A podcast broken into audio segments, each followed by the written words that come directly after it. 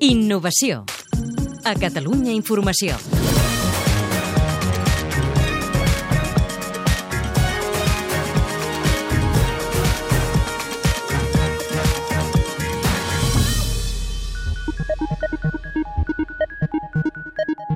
Després de 10 anys de treballar amb startups i empreses tecnològiques, l'Aleix Canals i el Karim Enakli, dos enginyers informàtics, van decidir posar en marxa el seu propi projecte. Tothom estava desenvolupant aplicacions, tothom estava intentant fer aplicacions per a altres companyies, treure, diguem, tirar endavant en aquest moment de crisi i tot això, doncs, tirar endavant en un altre entorn i vam veure que també hi havia molta competència i ens vam decidir enfocar en temes de, de biofeedback.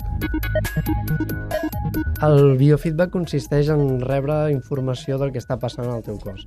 Ja pot ser tant, a, per exemple, la freqüència cardíaca, qualsevol pulsòmetre que es porti actualment per fer exercici, per controlar els teus nivells de cansament, etc. Això ja seria biofeedback. I ara amb tot el que són les wearable technologies estan venint nous dispositius com poden ser els contapassos o coses més avançades com poden ser les, les diademes o els dispositius que van al cap que llegeixen l'activitat cerebral.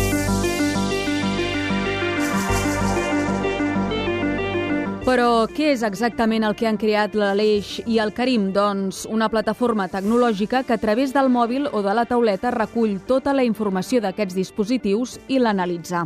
Es diu SECGI, Sensing Emotional Knowledge, i té múltiples aplicacions. El que podem fer és donar-te una sèrie de mètriques que et poden servir doncs, en el teu dia a dia o per millorar el que, la teva tasca actual. Ja pot ser això aplicat a temes de màrqueting, per veure com els teus clients perceben el teu producte o el teu servei, o també pot ser eh, per tu mateix, per millorar la teva productivitat o controlar els teus nivells d'estrès, per exemple. I a les empreses també els pot servir per avaluar l'eficàcia dels seus missatges. Si tu tens un vídeo, que pot ser un spot o pot ser un tall publicitari, podem analitzar-lo i veure quins són els punts més interessants o els punts en què el, el client o l'usuari s'ha acabat avorrint, diguem-ne. A banda del màrqueting, però, aquesta plataforma pot tenir molts altres usos, tant professionals com particulars, des d'ajudar a persones amb TDA o problemes cognitius fins a situacions més quotidianes. Quan estàs llegint un article llarg o un document de feina, per exemple, moltes vegades pot passar que llegeixes un paràgraf i l'has de tornar a llegir perquè, ostres, no m'he enterat de què estava llegint. El que podem fer és, en el moment en què estàs perdent l'atenció i realment al cap de 5 minuts te n'adonaràs que no estàs llegint res, et difuminem la pantalla i ho pots llegir.